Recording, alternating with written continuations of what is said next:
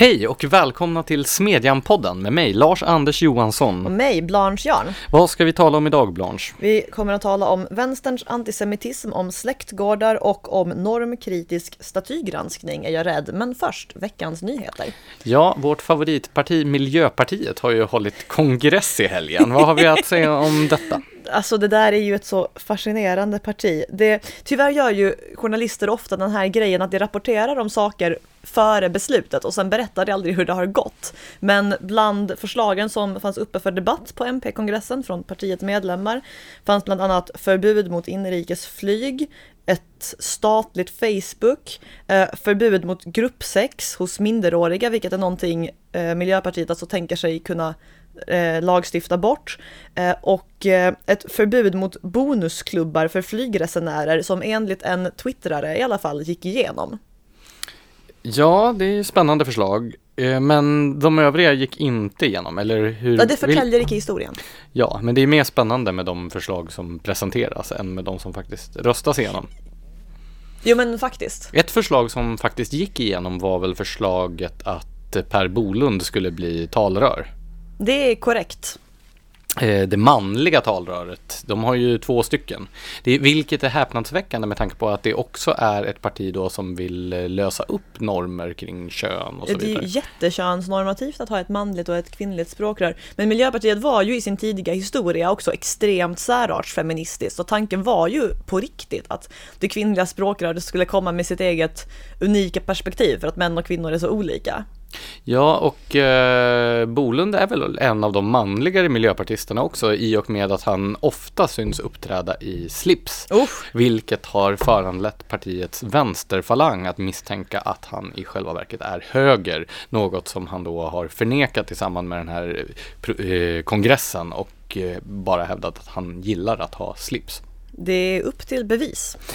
Precis, har vi något mer att säga om Per Nej. Bolund? Nej. Kör han pickup? Fraktar han väldigt, väldigt tunga stenar? Eller har han en politiskt korrekt elbil? Jag är mest intresserad av hur han ser på giftiga bottenfärger naturligtvis. Jag med. Ja, eh, sen har ju Sveriges Television, numera skattefinansierade Sveriges Television, sänt en partiledardebatt eh, inför EU-valet. Jag skrev på Twitter efter debatten att eh, den känsla som omedelbart infann sig var att alla förlorade. Okej, vill du utveckla det?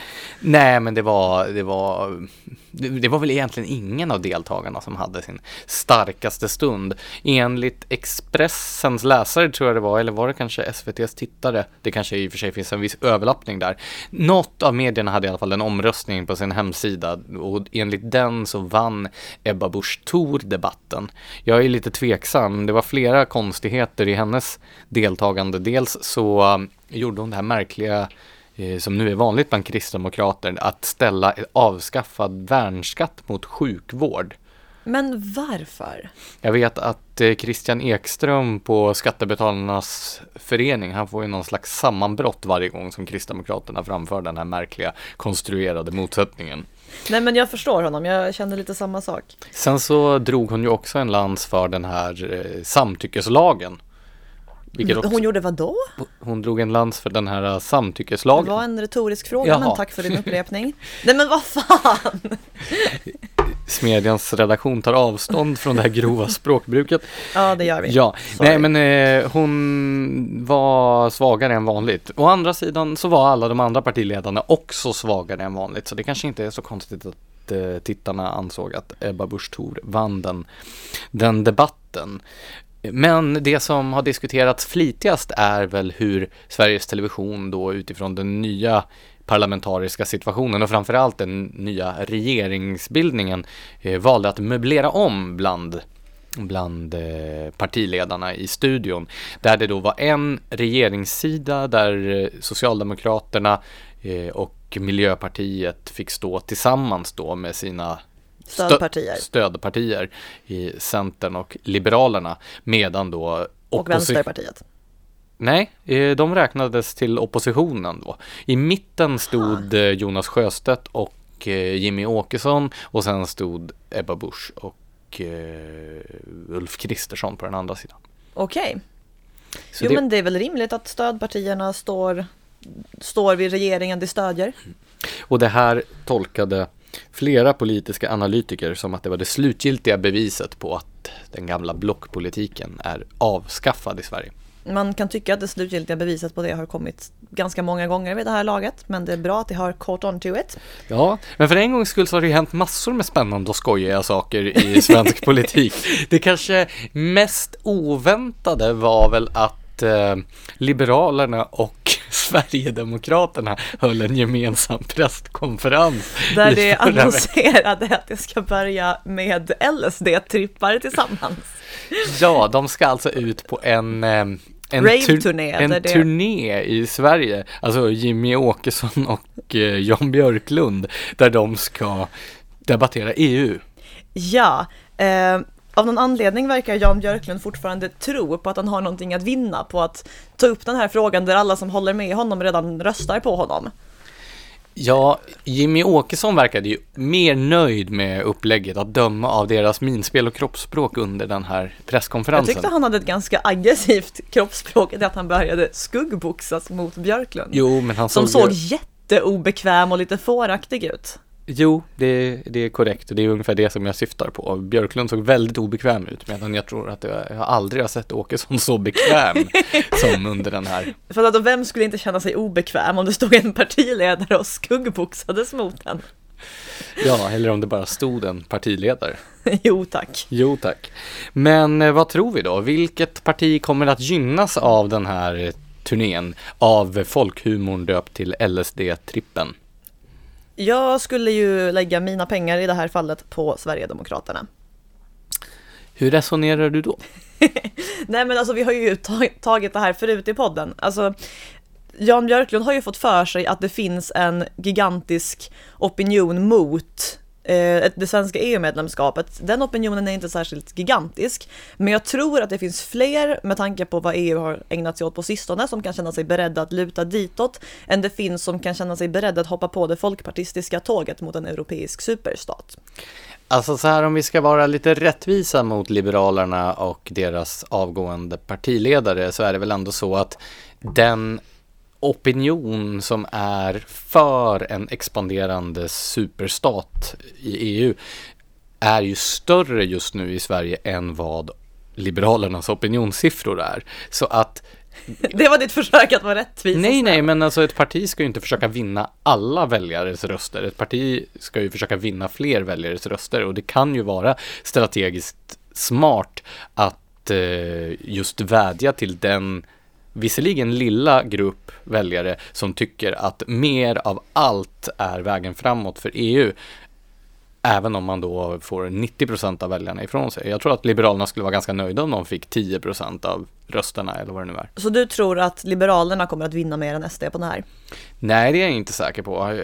Framförallt så är det ju extremt märkligt hur då partiet som har gått ut allra hårdast med att man ska deplattformisera Sverigedemokraterna nu helt plötsligt är beredda att ge Sverigedemokraterna en plattform. Jo, det är en Och- intressant omsvängning. Och med tanke på det höga tonläge som har förekommit från liberala politiker och ungdomsförbundare och så vidare i sociala medier så är det ju häpnadsväckande hur lite kritik det här, det här eh, förslaget har fått internt. Jo, fast det kanske står och... Nej, nej, det finns ingen möjlighet någonstans att det finns en intern opposition i Liberalerna som inte figurerar på debattsidorna runt omkring i landet. Så förmodligen finns det ju ingen. Har de presenterat datum för den här turnén än? Nej, men jag ser fram emot att åka dit och damma av den fina gamla genren tripprapporter. Och var köper man biljetter? Eh, Det återkommer jag med. Ja. Eh, vad har hänt mer då i Europa? Eh, ja, eh, Juncker som alltså leder den... Eh, Jean-Claude. Precis, den, den andra Jean-Claude som, eh, som leder eh, EU-kommissionen har blivit utsedd till årets europeiska ledare av European Leadership Awards. Eh, det delas i sin tur ut av Euronews som finansieras av EU och European Business Summit som stöds av Business Europe som grundades redan på kol och stålunionens tid för att eh, bevaka samarbetet och Vilken tråkig utläggning.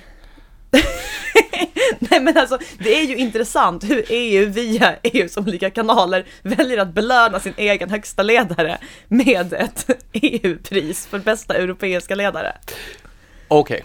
Eh, apropå Jean-Claude så har ju eh, Hans Majestät Konungen nu eh, meddelat att man drar tillbaka Nordstjärneorden från Jean-Claude Arnault som ju... Den första Jean-Claude. Är han verkligen den första? Juncker är väl, eller jag vet inte vem som är äldst. Hur som helst, eh, det här skedde ju då bara timmar efter att, eh, att, eh, att Högsta domstolen var det väl, avslog ansökan om resning för den här våldtäktsdomen. Och det finns ju mycket man kan säga om detta, men en sak är väl att eh, det är ju elegant av konungen att vänta tills domen då träder i lagakraft eh, innan han gör några sådana här drastiska åtgärder som att dra tillbaka, dra tillbaka orden. Ja, det där är verkligen ett föredöme med tanke på hur många som har varit så otroligt benägna att gå på första anklagelse snarare än någon form av rättvist utlåtande. Och sen är det ju också en knäpp på näsan åt dåvarande statsrådet eh, Alice Bah Kuhnke då som, som delade ut den här på tvärs mot hovets önskemål. Så uh, what goes around comes around, som det brukar heta på vår redaktion. Ja, Ja, okej, det som har gjort... apropå snusk. Åh gud. Ja, ja eh, kommunistiska partiet är ju ingenting vi brukar hylla i den här podden, men det gjorde en jätterolig valfilm. Eh, Den bästa hittills va? definitivt den bästa hittills eh, på temat det finns bättre saker att göra av EU-valdagen än att gå och rösta, till exempel att eh, ha sex.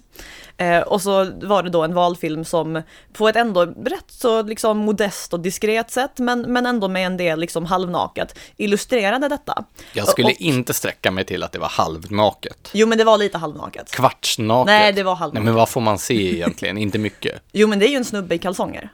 Okej. jo, men det är ju ändå halv... Jo, jag står för det, så i alla fall. Facebook fick eh, moralpanik över detta, alltså inte av den kommunistiska ideologin med alla dess dödsoffer genom historien eller Utan så. av en snubbe i kalsonger. Ja, och eh, har tagit ner filmen. Så från Facebooks horisont är en snubbe i kalsonger mer problematisk än mänsklighetens mest fruktansvärda och förödande ideologi med hundratals miljoner liv på sitt samvete. Ja. Eh, och därmed inte sagt att vi tycker att kommunistiska partiet ska blockeras från Facebook bara för det. Men det är ju fortfarande en lite märklig prioritering. Och på tal om märkliga prioriteringar av Facebook så har det sociala nätverket även censurerat bort den amerikanska självständighetsdeklarationen från Facebook. Så kommunism är okej. The Declaration of Independence Not so inte okej. Nej, För att parafrasera Sean Banan. den tredje Sean vi tar upp i podden idag. Ja, Eh, nej men så här, det var en liten tidning som heter The Vindicator i staden Liberty i Texas, vilket bara det är ett fantastiskt namn i alla fall. Eh, varför den, öppnar vi inte en redaktion där? när man undrar. Eh, det hade eh, valt att publicera eh, olika delar av den amerikanska självständighetsdeklaration, självständighetsförklaringen. Och eh, jag tror det var formuleringen “merciless Indian savages” som ansågs vara hate speech och därmed plockades bort från Facebook. Det här har ju väckt en del uppmärksamhet eftersom eh, den eh, amerikanska självständighetsförklaringen kanske inte riktigt faller under kategorin saker det känns helt fräscht att censurera bort från nätet. Nej, Facebooks vägar blir mer och mer outgrundliga. Mm. Vet du vilkas vägar som blivit mindre och mindre outgrundliga? Nej, men jag antar att detta är en elegant övergång till nästa nyhet. Vad är det? Exakt! Älg-TV. Det här är min nya favorit-tv-grej. Är det här någon slags parallell till det här konstprojektet uppe i Norra Kvarken som vände sig till eh, dagmaskar och eh, småkryp? Här, Nej, nej, här är det inte för älgar, som är målgruppen, utan älgar som är eh, i fokus. Det är alltså SVT som för en gång skulle ha gjort någonting bra och satt upp en massa kameror vid en älv som älgar brukar simma över på våren. Eh, och sen har den helt enkelt filmat i väntan på att det dyker upp en älg och så har det suttit en massa människor däribland jag, och tittat på detta i väntan på att det ska dyka upp en älg och simma över. Men Blanche, du hatar ju djur och natur. Nej, alltså jag tycker den är jättetrevlig att se på. Det är bara att varje gång man går ut i den blir man besviken för att det är kallt och liksom blött och sticksigt och så. Men du blir ju alltid så upprörd och uttråkad när jag avbryter våra telefonmöten för att det dyker upp djur i naturen. jo, men det är för att jag ser framför mig hur du så här, står och gubbstirrar mitt i trottoaren på en örn du ser eller någonting. Och det är en örn! ja, men alltså, du har sett örnar förr, vilket jag vet, för att det alltid händer under våra telefonmöten. Nåväl, eh, jag associerar ju det här eh, tv-programmet som ju förvisso låter helt fantastiskt. Jag bara ser inte att du är målgruppen för det. Till ett program som norska NRK producerade 2011 och som hette Hurtigruten minut för minut. Som då visade, det sände Hurtigruten-resan, alltså hela vägen från eh, Bergen till Kirkenes. Det var 136 timmar eh, bara eh, vackra norska landskap som flöt förbi. Och det här programmet, alltså den 136 timmar nej nu ljuger jag, 134 timmar långa sändningen blev oerhört populär. Och under den första helgen då det här sändes så bänkade sig hela 2,6 miljoner norrmän för att under någon tidpunkt titta på det här. Och det är i ett land då som har ungefär 5 miljoner invånare. Fast jag tycker det här är fullt begripligt. Alltså den här älg-tv, här kanske jag borde nämna att det heter inte älg-tv egentligen, det heter Den stora älgvandringen. Men hur som helst, den har uppnått 4,6 miljoner tittartimmar. Det är alltså inte 4,6 miljoner tittare om inte varje har varit inne just en timme, men i alla fall. Jag tycker det här är positivt ändå, för att generellt sett har ju så här visuell media blivit så mycket hetsigare den senaste tiden, alltså kanske inte det senaste året, men du vet, det längre perspektiv. Det ska vara så snabba klipp och alltid en massa action och det känns lite sunt att folk är beredda att bara sitta där och titta i väntan på att det kanske dyker upp en älg. Ja, eller att se norska fjordar passera revy. Ja, det här är ju tydligen riktigt gammalt i Norge och jag har ett par norska vänner som inte fattar varför vi gör en affär av det här nu. Det kanske är norrmännen som har rätt i sina skämt om att svenskar är lite efter och inte vice versa. Så kan det vara. Det är i alla fall mina norska vänner helt övertygade om. jo. Eh, ska vi innan vi går in på dagens huvudämnen bara redogöra lite grann för vad vi har publicerat för artiklar i Smedjan i veckan. Första artikeln är en eh, intervju som Carl Vincent Reimers från Näringslivets medieinstitut har genomfört med den danske författaren Kasper Stövring. Ja, precis. Det är en eh, nationalkonservativ författare medan Carl Vincent Reimers är socialliberal, så det är ett intressant samtal. Eh, Katarina Kärkinen och Sten Storgärd, som är förbundsordförande respektive förbundssekreterare i Fria Moderata Studentförbundet, har skrivit en debattartikel på temat 4% av BNP till försvaret. Ja, sen har ju jag röstat en av mina käpphästar, nämligen den här ökande klyftan mellan vad de rättsvårdande myndigheterna prioriterar respektive vad de borde prioritera. Eh, den heter lag, eh, Polisstat för hederliga, laglöst land för kriminella. Och jag e-, exemplifierar då med de nya reglerna för skjutbanor som har läckt ut från Polismyndigheten och som är väldigt oroväckande för landets jägare och sportskyttar. Samt med det upp den upptrappade konflikten från polisens sida gentemot den månghövdade svenska fotbollspubliken. Även jag har röstat en gammal käpphäst som vi senast talade om i förra poddavsnittet, nämligen att Försvarsmakten borde låta bli att kampanja åt identitetsvänstern. Och sen har vi en debattartikel från centerpartisten Niklas Svanlind om hur Centerpartiets EU-valkampanj understödjer ett socialdemokratiskt narrativ när den fokuserar på högerpopulism. Precis, och så har Arvid Hallén från studentförbundet Heimdal i Uppsala recenserat eh, Erik Ringmars bok Befria universiteten som nyligen kom ut på Timbro förlag. Det var väl den här veckans publiceringar. Ja. Låt oss gå in på dagens huvudämnen. Eh, du har skrivit om ett mindre muntert sådant, nämligen den grasserande antisemitismen i den svenska arbetarrörelsen och vänstern. Ja, precis. Alltså, förra veckan var ju ännu en dålig vecka att vara jude i Sverige, måste jag tyvärr säga. Eh, först var det ju SSU som gav uttryck för antisemitism i sitt första majtåg. Samtidigt så bestämde sig Åsa Linderborg för att vifta bort det här att Israel respekterar homosexuellas mänskliga rättigheter som en irrelevant grej i sammanhanget. Och en kokboksförfattare fick så aggressiva reaktioner på att det förekom ett israeliskt recept i hennes bok att hon kände sig tvungen att tona ner den, alltså att tona ner en kokbok. Israeliska recept är alltså Ja, det är inte alls eh, acceptabelt. Så här, vad det handlade om, det här är en tv-kock som heter Seina Mortada och som hade en releasefest för en bok med mat från alla möjliga länder. Hon nämnde ett 20-tal av dem på sitt Instagram-konto. Det kommer från så här, Europa, Asien, Mellanöstern, Afrika, Amerika. Det är verkligen överallt ifrån.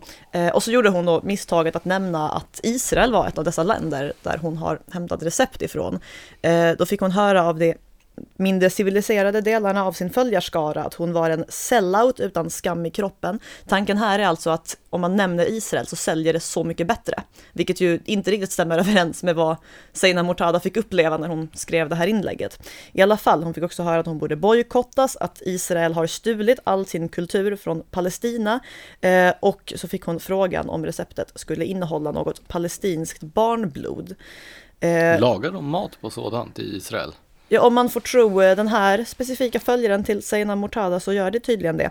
Eh, mängden och tonen i dessa meddelanden fick henne att eh, besluta sig för att försöka tona ner ja, vad som nu ska tonas ner i den här boken. Hon tänker inte ta bort några recept, men det är ju fortfarande, det är fortfarande helt bisarrt att någon känner sig tvungen att ändra i en kokbok för att de politiska reaktionerna på den blir för upprörda. Jo, men det stämmer ju och det är min erfarenhet också från att ha arbetat som ledarskribent. Det finns några sådana här eh, ämnen som om man tar upp dem så kommer man att utsättas för en skitstorm utan dess like. Och där har vi ju då Israel-Palestina-frågan. Vi har att eh, om man överhuvudtaget kritiserar eh, feministrörelsen på något sätt och vilket jag inte var beredd på eh, om man går emot PRO, alltså pensionärernas riksorganisation. Låt mig slänga in en till. Har du någon gång försökt ta upp ämnet elallergi? Gör inte det för guds skull. Alltså, det är helt sjukt och de här människorna som är så jätteallergiska mot allt elektriskt i så hög grad sitter vid datorn och skickar mail så snabbt och i så långa liksom, format. Men har de inte kanske företrädare som skriver åt dem? Inte att döma av formuleringarna, men man vet aldrig. Hur som helst, eh, det, eh, det, det, andra grejerna, låt mig gå in lite mer på dem. SSU i Skåne har ju en relativt eh, taskig historia vad gäller, eh, vad gäller den här sortens eh, yttringar. Eh, det var i höstas som Kvällsposten kom med eh, uppmärksammade avslöjandena om hur Skånedistriktet har kapats av en falang som har utbredda problem med fundamentalism, antisemitism, homofobi, kvinnofientlighet, våldsbejakande uttalanden och den här vanliga buketten av mindre trevliga åsikter. Och då är det eh, inte pingstvänner vi talar om? nej, eh, nej, det är ju inte det.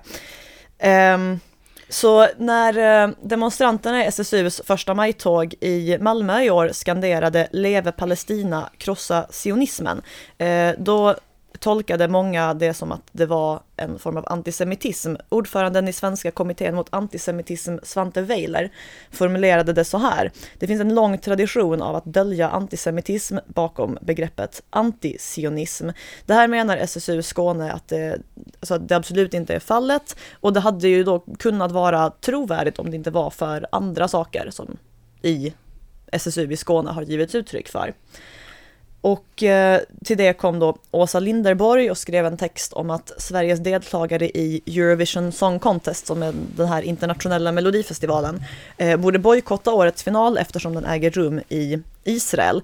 Och då tog hon upp det här att visserligen så respekterar Israel homosexuellas rättigheter och det är någonting som ockupationsvassarna alltid gör ett nummer av. Underförstått, men egentligen är det inte alls relevant i sammanhanget. Föreslog var... hon något annat land i Mellanöstern där det vore bättre om man förlade den här festivalen? Nej, hon gjorde ju inte det, även om hon, om jag minns rätt, nämnde att Palestina kanske borde vara med i Eurovision Song Contest det också. Ehm, men alltså man börjar ju undra, så här, vad finns det mer för saker hon tycker är så här, onödiga slagträn i debatten?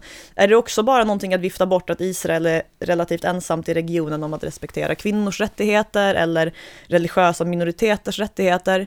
Timbros eh, integrationsansvariga Eli Gönder skrev på sin Facebook till och med att eh, även muslimer har det bättre i Israel eftersom de där har rösträtt och demokratisk representation till skillnad från de muslimer som istället bor i Gazaremsan där regimen som bekant har vägrat utlysa ett val sedan 2006. Rösträtt och demokratisk representation är kanske inte det som står allra högst upp på Åsa Linderborgs agenda. Jag ser vad du menar. Eh, ja, i alla fall. Eh, det här att antisemitismen blir allt vanligare i Sverige är ju känt vid det här laget. Ehm, jag läste i måndags eh, ett annat reportage i Kvällsposten eh, där tidningen hade talat med en judisk tjej som driver ett Instagramkonto vid namn Förbjuden, där judar i Malmö berättar om hur det behandlas och bemöts av sin omgivning och hur mycket värre det har blivit på sistone. Och då sa hon bland annat att det har förvärrats jättemycket på bara några år och att enda orsaken till att vissa tror att det har blivit bättre är att det är så få judar kvar. Eh, hon sa, oftast är det vi som inte öppet visar att vi är judar som är kvar medan de andra redan har stuckit härifrån. Det är ju ett väldigt mörkt citat. Och grejen är att den här antisemitismen som har börjat växa fram på olika ställen i Sverige verkar ha en så mycket bättre grogrund till vänster än till höger. Och nu menar jag inte så här enskilda extrema rörelser ute på någon ytterkant utan så här bland, bland mitten av strömfåran. Alltså partier i riksdagen, bland arbetarrörelsen, det hänger väl ihop med två saker egentligen. Dels så finns det ju en eh, lång antisemitisk tradition inom kommunismen till exempel, där man har betraktat då judarna som en, ett uttryck för en internationell kapitalistklass som ska bekämpas. Mm. Och att eh, motståndet mot kapitalismen har då eh, förknippats med ett motstånd mot judiskhet i största allmänhet. Sen så finns det ju den här märkliga oheliga alliansen mellan då vänstergrupperingar och och islamister där eh, vänstermänniskorna hela tiden tror att om de bara gör gemensam sak med islamisterna så kommer islamisterna som ju på väldigt avgörande punkter går rakt emot vänsterideologierna.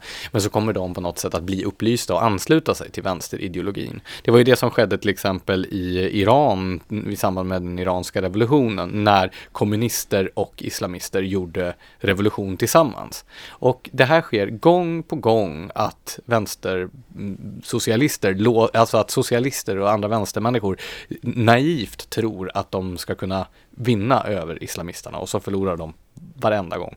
Ja, alltså det där senare har jag två alternativa förklaringar till. Jag tror att bägge kan stämma rätt bra. Alltså för det första tror jag en del av det här handlar om ren och skär röstmaximering. Av allt att döma så finns det fler personer eh, i Sverige just nu med antisemitiska tendenser än det finns judar. Eh, jag kommer till exempel att tänka på hur det dåvarande kommunalrådet Ilmar Reepalu, nej, eh, kommunstyrelsens ordförande var han då, eh, socialdemokrat i Malmö, I Malmö, i alla fall, precis, eh, försökte hindra Israel från att delta i en internationell tennismatch i staden. Eh, och som anledning till detta angav han att många av Malmös invånare har bakgrund i Mellanöstern. Det är svårt att inte tolka det som ett försök av honom att röstmaximera. Men den andra förklaringen till det här tror jag handlar om ideologi. Det här skrev jag också om i höstas, men jag tyckte det var värt att ta upp det igen. Eh, att precis som staten Israel så anses judarna av den del av 68-vänstern och dess arvtagare eh, befinna sig högre upp i en makthierarki, vilket gör att alltså för den postkoloniala vänstern blir det svårt att ta ställning för antisemitism för att man då indirekt tar ställning för den som är högre upp i makthierarkin och det får man inte göra för att de har brutit mot sin egen logik. Ja, och det här är ju identitetsvänsterns märkliga sätt att missbruka sin egen ideologi. Om vi tar frågan då om intersektionalitet så går ju det egentligen ut på att man ska analysera eh, maktrelationer utifrån många olika sektorer. Det vill säga, det finns inte en enkel över underordning. Men det som förekommer i debatten idag, det är ju en vulgärtolkning av detta med strukturellt förtryck och maktrelationer där vissa grupper alltid per definition anses vara överordnade andra. Att män alltid i alla sammanhang är överordnade kvinnor, att heterosexuella eh, är eh, överordnade sexuella minoriteter, eh, att eh, mörkhyade, underordnade vita människor och så vidare och så vidare. Att det här intersektionella där man då ska analysera eh, hierarkier i varje given situation, det har man egentligen helt gjort sig av med. Ja, för alltså om man tänker efter, liksom, är det inte den som är, är inte den privilegierad som kan komma undan med att säga vissa saker om en annan grupp? på en nivå också. Jag tänker så här, tänk om det hade gått och skanderat leve Israel, krossa islamismen istället. Tror du det hade setts med jätteblida ögon av Socialdemokraternas ledning? Nej men så här, ett eh, bra exempel på, eller ett bra sätt att avgöra vem som är över och vem som är underordnad i ett specifikt sammanhang. Det är ju att se vem är det som lämnar staden och vem är det som flyttar in. Ja, precis. Antalet judar i Malmö har ju att döma av eh, medlemmarna i synagogan sjunkit från 2500 i början av 70-talet till drygt 500 idag. Det här är alltså en, det, det här är en femtedel som är kvar. Det är en jätteobehaglig utveckling. Ja, och Malmö är ju också internationellt ökänt just för sin antisemitism. Det var, var det 2015 eller när var det som Obama skickade det amerikanska sändebudet som var expert på just antisemitism till Malmö för att utreda situationen där? Om jag minns rätt så var det 2015 men sändebudet hade varit där en gång tidigare också för att eh, det talades om att förra gången jag var här så var det lite annorlunda. Men det är ju alltså att USAs president uppmärksammar en stad på mellan 200 och 300 000 invånare i Skåne för dess problem med antisemitism. Det är väldigt talande. Ja, och det är också intressant att staden styrs av Socialdemokraterna som annars är så måna om bilden av Sverige utomlands. Ja, det har ju satt upp ett väldigt dåligt skyltfönster där nere tyvärr. Ja, ska vi gå vidare? Ja, men låt oss göra det. Du har skrivit om släktgårdar. Vad vill du ha sagt om dem? Ja, det, det hela tar avstamp i eh, debatterna som följde på Aftonbladets och Dagens Nyheters granskningar av politikers boendeförhållanden. Vi har ju nämnt den här moderata riksdagsledamoten som bodde först i sitt pojkrum och sen i sin sommarstuga och så vidare. Sin mammas sommarstuga, ja, stackars kille. Men det här var ju ett led i en större granskning som Aftonbladet gjorde. Eh, och som sen Dagens Nyheter försökte kopiera genom att göra sin egen B-version av det.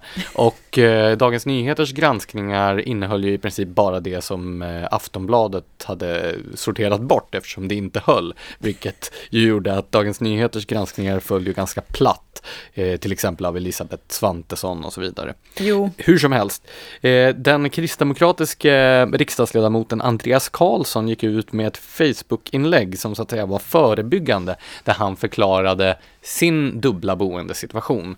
Och det handlar helt enkelt om att han eh, har ett boende på familjens släktgård i Småland. Det låter helt fantastiskt. Ja, där eh, hans eh, föräldrar också är bosatta då. Eh, och han förklarade att detta upplägg var inte någonting som han tjänade på ekonomiskt. Hur som helst, det här då släktgårdsbegreppet utlöste diskussioner på på Twitter mellan bland annat då vår tidigare kollega eh, Johan Ingerö och en eh, vänsterpartistisk pressekreterare som hette Jonas Wikström. Jonas Wikström, precis. Som då fällde det bevingade uttalandet. Vad fan är en släktgård. Som, ja, vad är då en släktgård? som fick vara rubrik till, till min artikel. En släktgård enligt den definition som jag stödjer mig på i artikeln är alltså en gård som har varit i samma familjs ägo eller arrenderats av samma familj i minst 200 år. Och den definitionen kommer från Jordbrukare ungdomens förbund som genomförde en omfattande släktgårdsinventering i Sverige som avslutades förra året och de hittade i den inventeringen tusen gårdar som kvalificerade sig enligt den här definitionen. Men det är ju säkert lågt räknat eftersom det kan ju vara så att de inte har hittat Ja, jag tänker just att det borde vara fler än tusen. Det är ju jättesorgligt om det bara finns kvar tusen släktgårdar. Samtidigt så är det väl, jag tror att många som har haft samma gård i fyra, fem generationer också betraktar det som en släktgård och har samma relation till den. Ja, men det här då varför jag skrev en hel artikel utifrån ett antal Twitter-diskussioner, det är för att jag menar att Eh, det här nedlå den här nedlåtande attityden som Jonas Wikström gav uttryck för och som även eh, andra vänsterpersoner och socialdemokrater på Twitter gav uttryck för. Det är inte bara en fråga om okunnighet utan det här handlar om själva kärnan i den socialistiska ideologin. Vi, längre fram i samma diskussion så skrev den här Wikström, aha, så det är ett slags signalord för den lantadel som grät när vi fick demokrati. Ja, alla som har ägt en gård länge nog är ju emot demokrati och är adliga. Ja, alltså sen kan man ju säga att det är väldigt ironiskt att en person som företräder det enda svenska riksdagsparti som kan stoltsera med att ha stöttat både Hitler och Stalin och dessutom samtidigt håller på att prata, anklagar andra för att vara odemokratiska. Men då eh, den här bilden av att en släktgård, det skulle vara lantadeln och det skulle vara någon slags antidemokratisk överhet. Det är en bild som kommunister och socialister har odlat, ja, ända sedan 1800-talet av den jordägande bondeklassen. Ja, det behövde ju deras produktionsmedel, så det är ju klart att det försöker smutskasta den på alla upptänkliga sätt. Ja, den här, ehm, den här tendensen att framställa hårt arbetande lantbrukare som ett slags överhet som arbetarna ska bekämpa är ju helt central i den berättelse som arbetarrörelsen har byggt upp för att motivera sin egen ideologi. Eh, nämligen då eh, proletärens berättelse, den egendomslösa som befinner sig i eh, konflikt med kapitalägarna. Och eftersom då en självägande bondebefolkning den stör ju den här eh, bilden av en motsättning mellan kapitalägare och eh, arbetare. Och därför så måste man då eh, sortera in Eh, de självägande bönderna i kapitalägarklassen och då blir de ju arbetarnas fiender. Precis, i själva verket så är det ju inte som att det som ägde en bit mark och odlade den på den svenska eller någon annan del av europeiska landsbygden var särskilt rik, utan det här var ju ofta fattiga men självägande människor. Det är klart att det verkligen stör den marxistiska analysen. Ja, och om man tittar på de länder då där eh, Vänsterpartiets tidigare finansiärer och ideologiska meningsfränder fick ge ut, fick eh, utlopp för sina ideologiska böjelser så var ju kampen mot den självägande eh, bondeklassen högst prioriterad. Jag vet inte om du har varit i Budapest och besökt eh, Terrorhasa? Jag har varit i Budapest men tyvärr utan att besöka den. Det, det är alltså Terrorns hus. Det är ett eh, museum över det kommunistiska och det nazistiska förtrycket i Ungern under och efter andra världskriget. Och där finns ett helt rum som berättar om de kommunistiska kampanjerna mot den ungerska bondeklassen. Dels under den sovjetiska ockupationen och sen under det ungerska kommunistiska styret. Och de här kampanjerna, de gick ut på att först så beskattades ju bönderna hårdare och hårdare eh, till slut då eh, så att man beskattade dem på allt som de producerade vilket naturligtvis skapade en omöjlig situation. Och sen så gick det över till regelrätta exproprieringskampanjer där man beslagtog jorden eh, och i förekommande fall också tvångsförflyttade eh, bönderna till andra delar av Ungern eller helt sonika deporterade dem till andra delar av det här Sovjetimperiet. Sibirien med andra ord. Och det här fyllde två två syften. Dels så ville man ju eh, eller var man tvungen att finansiera den stora sovjetiska rustningsindustrin. Stalin var ju inställd på ett tredje världskrig efter andra världskriget. Man skulle ju då eh, införa kommunismen eh, i resten av världen var tanken och då behövdes ekonomiska resurser och de skulle kramas ur den fattiga bondebefolkningen. Eh, och dels då så var det ett självändamål i att bondebefolkningen, den självägande bondebefolkningen skulle ryckas upp med rötterna eh, så att man kunde slå sönder de sociala sammanhang och de normer som annars riskerade att utgöra en motvikt och en grogrund för motstånd mot den kommunistiska ideologin. Ja, den sortens inställning hade ju kommunisterna till alla upptänkliga sammanhang utanför staten som skulle kunna skapa en sån grogrund. Det gick ju väldigt hårt åt religionen och prästerna och alltså alla delar av civilsamhället egentligen. Och allra längst, det gick man i Ukraina där Stalin 1932 till 1933 orkestrerade en regelrätt svältkampanj där bönderna då fråntogs allt som gick att äta. Och eh, och det här den... ska alltså tilläggas att det här är en av Europas bördigaste jordbruksmarker där miljoner människor, om jag minns rätt, svalt ihjäl. Ja, det räknades ju eh, som Europas kornbod. Det vill säga, det fanns mest mat av eh, nästan alla länder, men all denna mat ex, eh, togs i beslag och exporterades till, till Ryssland. Och det beräknas då att mellan 3 och 7 miljoner ukrainska bönder mördades genom den här medvetna svältpolitiken som Stalin lanserade. Och dessförinnan hade också 2 miljoner bönder deporterats till Sibirien i en sån här folkförflyttningskampanj som socialister är så förtjusta i. Och det trodde det hade otur när det deporterades dit liksom. Och om allt detta kan man läsa i Anne Applebaums bok från 2017 som heter Red Famine och som Mårten Eriksson recenserade i Smedjan när den var, när den var nyutgiven. Men det var ju inte bara kommunister eller vänsterpartister som engagerade sig i förminskandet och förhånandet av släktgårdarna, utan också socialdemokratiska debattörer, bland annat då Daniel Svedin som är ledarskribent på Aftonbladet, som gick in och försökte framställa släktgårdarna som något slags perifert eh, fenomen för privilegierade. Och det hänger ju samman med att även om Socialdemokraterna 1970 19 bröt med sin eh, revolutionära antidemokratiska falang som fanns i ungdomsförbundet bland annat och i det som sen skulle bli Vänsterpartiet så eh, delar man den här berättelsen om arbetarklassens kamp mot kapitalägarna och även då den självägande bondeklassen. Så eh, föraktet mot och Eh, den politiska agendan gentemot eh, bondeklassen delar ju Socialdemokraterna med kommunisterna. Ja, alltså det här handlar väl också lite om att Socialdemokraterna ju varken nu eller historiskt har haft särskilt mycket stöd på landsbygden. Det är industristäder och bruksorter där det har haft sitt stöd och så länge det finns någon form av polemik mellan stad och landsbygd så har det väl massor att vinna på att klanka ner på landsbygden eftersom det då uppfattas som att det extra mycket ställer sig på sina väljares sida. Och som Martin Moreus, som har gästat Smedjan-podden tidigare, har berättat så drev Socialdemokraterna en politik gentemot jordbruket som gick ut på att små och eh, förment olönsamma jordbruk skulle på politisk väg slås ut för att man på så sätt skulle öka lönsamheten i jordbruket och Eh, eh, övergå till större produktionsenheter som skulle säkra då den nationella försörjningen.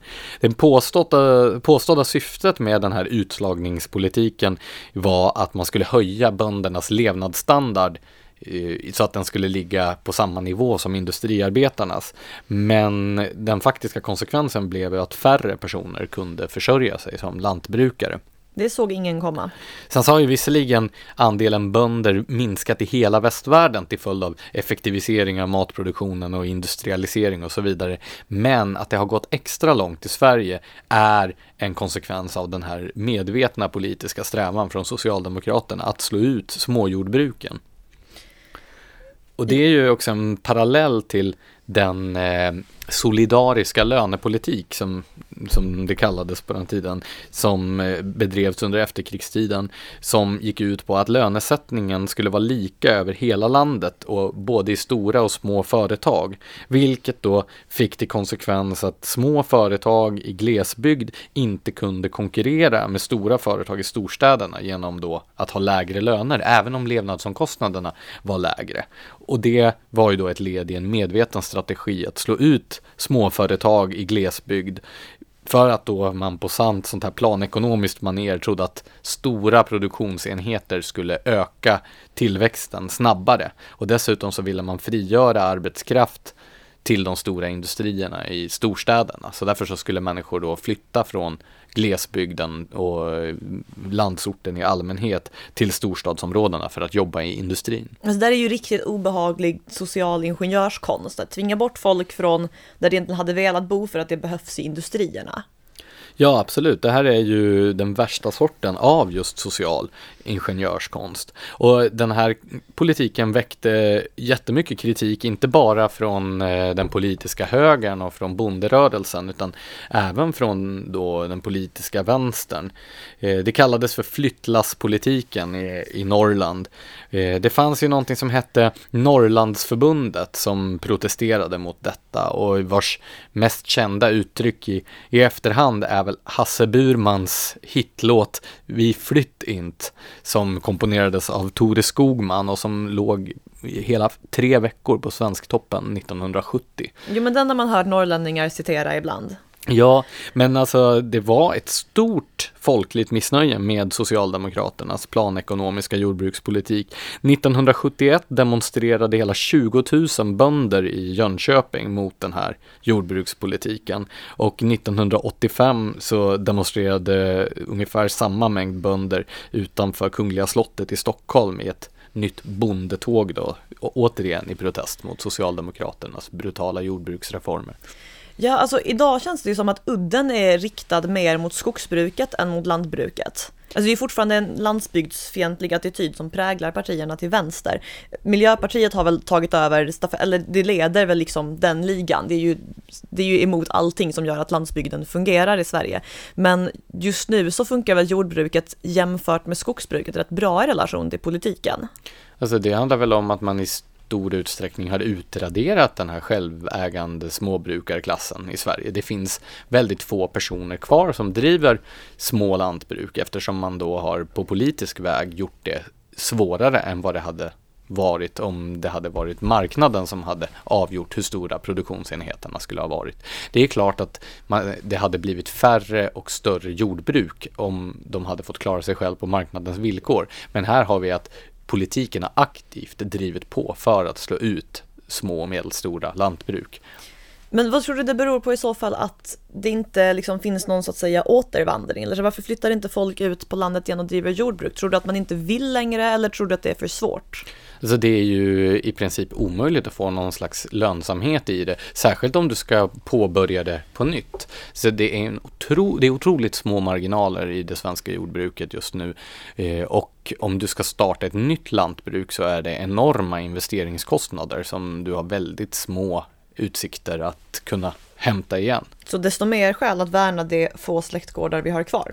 Ja, och sen alla de här släktgårdarna då som har inventerats är ju inte bara jordbruk utan det är ju gårdar som är avstyckade och sådär där människor bor kvar i sina, alltså i de hus där deras familjer har bott men de kanske inte arbetar som, som lantbrukare allihopa. Ja. Men eh, sammanfattningsvis så kan man ju säga att det inte är en slump att socialister och kommunister uttrycker sig föraktfullt om människor som fortfarande har kvar en fot i i de bygder där som deras släkter kommer ifrån och så vidare. För just det här att rycka upp människor med rötterna och göra dem rotlösa, det ligger i socialismens själva natur. Och med de orden ska vi gå vidare till det sista ämnet för dagen. Normkritisk statygranskning i Trelleborg. Alltså att jag ens har behövt sätta samman dessa ord till en mening. Men ja, eh, i ett försök att eh, bibehålla min kontakt med mina relativa hemtrakter eh, så läser jag skånska lokaltidningar och där fick jag reda på att sex ungdomar under tre veckor kommer att sommarjobba med att göra normkritiska granskningar av Trelleborgs statyer. och eh, om jag förstått det här konceptet med att normkritiskt granska saker rätt så kommer det förmodligen att gå runt i Trelleborg och räkna hur många statyer som föreställer vita män respektive hur många som föreställer person med annan etnisk eller könsmässig bakgrund. Eh, och sen kommer det att reflektera över hur den siffran kan minimeras i framtiden, siffran för vita män alltså. När jag gick på gymnasiet så sommarjobbade jag genom att eh, röja sly i nedgångna hamnområden. Det känns ju som ett mycket mer stimulerande, även intellektuellt arbete. Jo, men vad gjorde du för intersektionell nytta där? Ja, inte alls, men de passerande turisterna tyckte att det var väldigt trevligt att vi gjorde det i bara överkropp i alla fall. Det var en väldigt varm sommar. Okej, du får berätta mer om hur det var en sevärdhet när du var ung senare och så går vi vidare här. Alltså jag kom ju direkt när jag läste det här att tänka på eh, motsvarande projekt eh, på temat normkritiska granskningar av kommunhemsidor. Det här är tydligen lite av en underground-trend i den svenska byråkratin. Eh, jag skrev i, i höstas senast om hur Nationella sekretariatet för genusforskning eh, cashade in 200 000 kronor för att granska Göteborgs stads hemsida. Eh, för pengarna fick det ett 21-sidigt pdf-dokument som bland annat informerar Göteborgs stad om att dess hemsida präglas av vithetsnormen och att det helt saknas bilder av kvinnor i slöja. Detta är alltså ett osynliggörande och för att motverka detta rekommenderades Göteborgs stad att späda ut informativa stycken med såna här pedagogiska exempel där eh, en eh, icke-kärnfamilj med namn som antyder blandade etniciteter lyfts fram som ett då, pedagogiskt exempel. Region Skåne betalade även den 200 000 kronor till ett företag som granskade dess hemsida. Eh, det fick lära sig att ingenting på startsidan signalerar att det finns hbtq-personer i Skåne. Oh, gud, jag, alltså jag kan inte... För att du vet, om man vill veta om det finns hbtq-personer i Skåne så är det alltså så är det alltså där man går in och kollar. Eh, det, stod även att det, det bitvis instrumentella men också sakliga intrycket av skane.se sammanfaller med en traditionell maskulinitetsnorm. Vi kvinnor ska nämligen tydligen vilja ha ett osakligt och oinstrumentellt intryck och gärna vill säga glitter och blommor eller någonting antar jag. Det vad jag alltid har misstänkt.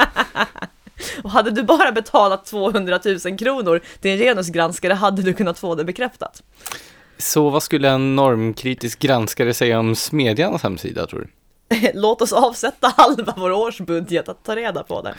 Eh, I alla fall, i jämförelse med detta så är ju tonåringarna i Trelleborg relativt billiga granskare. Jag dammade av alla mina matematikkunskaper från grundskolan eh, och kom fram till att med en arbetsvecka på 30 timmar och en lön på mellan 70 och 80 kronor och så arbetsgivaravgifter på det så kommer det att kosta kommunen mellan 50 och 57 000 kronor. Eh, och jag ser ingen anledning att tvivla på att ett gäng tonåringar kan räkna ut andelen manliga statyer lika bra som vilken dyr genuskonsult som helst. Ja, den här Fotografen som vi har skrivit om tidigare som föreläst för statliga myndigheter, han hade väl betydligt saftigare fakturor än så? Jo, han tog ju 20 000 för att berätta för Skatteverket hur fotografier eh, åt, alltså upprätthåller könsmaktsordningen. Men jag funderar på då om man ska bruka lite allvar. Vad är själva syftet med det här sommarjobbsupplägget? Är syftet att kommunen verkligen eh, upplever att de är i behov av en normkritisk granskning av stadens statyer? Eller är syftet den här arbetslinjeidén, att det viktiga är att ungdomar kommer i jobb? Alltså har man konstruerat uppgiften för att man, för att man eh, behöver sysselsätta de här? Är det ungefär som de hade lika gärna kunnat gräva en grop och fylla igen den? Eller har man, eh, eh har man ett upplevt behov av en normkritisk granskning? Alltså tyvärr så tror jag att det snarare handlar om ett upplevt behov av den här normkritiska granskningen. Alltså egentligen borde ju den som sitter på kommunen ha tillgång till information om vilka som utgör statyer i kommunen och bara kunna fixa det själv. Men, men jag tror faktiskt att man känner det här behovet. Um, Annars så tänker jag, alltså det är på något sätt positivt i alla fall att man tänker att man ger de här ungdomarna en meningsfull uppgift. Annars så, en alternativ... Fast det gör man ju inte. Jo, men att man tycker att man gör det. För jag menar, om det här istället är att betrakta som som att man lika gärna hade kunnat gräva en grop och fylla igen den. Att det bara är att man ska sysselsätta någon. Då blir det ju ett uttryck för den här baksidan med arbetslinjen. Det vill säga när man frikopplar konceptet arbete från konceptet värdeskapande. Alliansen försökte ju triangulera, eller Moderaterna framför allt, försökte ju triangulera Socialdemokraterna genom att stjäla deras begrepp där med arbetet. Men problemet är ju att arbete som inte skapar något värde är ju egentligen meningslöst. Man arbetar ju inte för att sysselsätta människor, man arbetar ju för att producera värde. Jo, det är ju korrekt. Och det är i alla fall bättre om kommunpamparna i Trelleborg tror att de här ungdomarna producerar något värde när de går runt och räknar statyernas könsorgan än, äh, än om de bara Ja, fast jag, jag föredrar ändå den kalla cynismen. Jag bara säger, nej men bara sysselsätta med vad som helst. Än i tanken att Röj vi verkligen det här gamla hamnområdet. Exakt. Nej men alltså det är ju faktiskt värre att det finns ju en gigantisk, alltså det är faktiskt gigantisk sektor för så här normkritiska konsulter som tjänar jättemycket pengar på att oftast för kunder som betalar med någon annans pengar, det vill säga statliga myndigheter och kommuner och landsting och sånt, granska grejer som, som det verkligen är svårt att föreställa sig att någon kan uppleva ett genuint behov av. En del av det här tror jag förstås är den här jämställdhetsintegreringens fel. Staten har ju givit eh, alla alla möjliga myndigheter och kommuner och andra instanser i uppdrag att på alla nivåer implementera ett genusperspektiv i sin verksamhet. Och dyra konsulter som räknar antalet kvinnor med slöja på kommunens hemsida är väl ett lika bra sätt som något annat att uppfylla det kravet.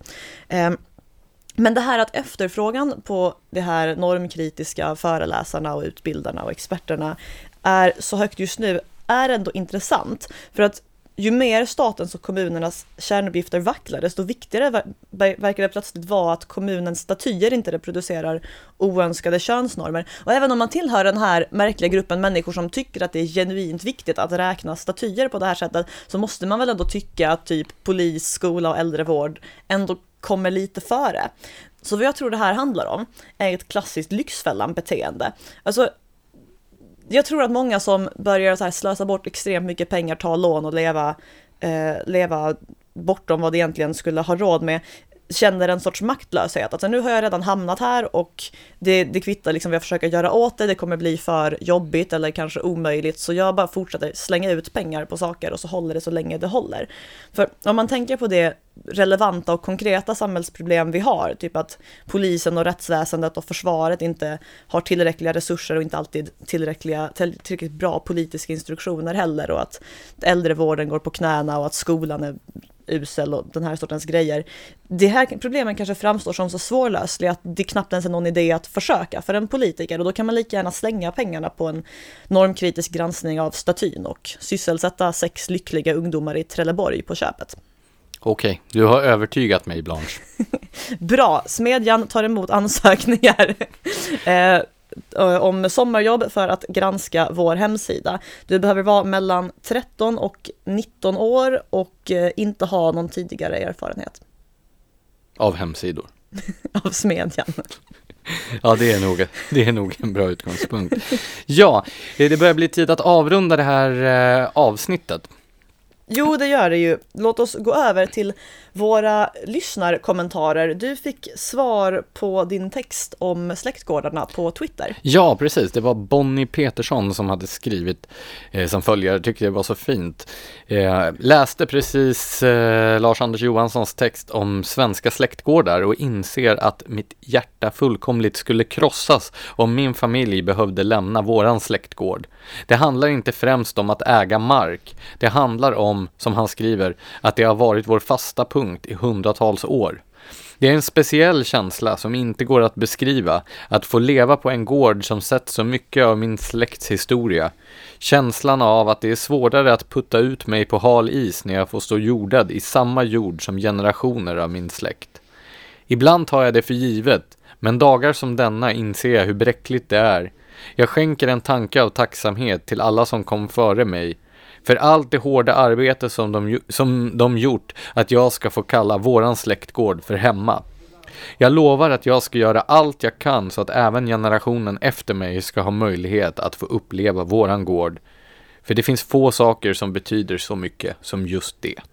Det där är så vackert formulerat och det får mig också att tänka på det här hon skriver om att det främst inte handlar om att äga utan om historien och så på hur vänstern också alltid tenderar att skriva om allting i pengar. Alltså just det du ofta anklagar högern för att göra, gör det själva. Det fattar liksom inte värden som inte är ekonomiska. Liksom, jag känner igen det här hon skriver. Jag var på en, på en släktträff Eh, i eh, nordöstra Skåne, där delar av min släkt kommer ifrån. Och gick man så här snapphanevandring, där mina förfäder var ute och kämpade mot svensken och så här. Och alltså, man blir, man blir ju inspirerad. Nej men alltså, det är ju en speciell känsla att bara fysiskt befinna sig på en plats där man vet att personer man härstammade från befann sig för flera hundra år sedan. Det är ju, det är ju svårt att liksom sätta ett värde på det för att det betyder väldigt mycket, men just den här sortens grejer, är ju inte, det är ju ingenting politiker i allmänhet riktigt alltid begriper. Med sin liksom instrumentella utgångspunkt.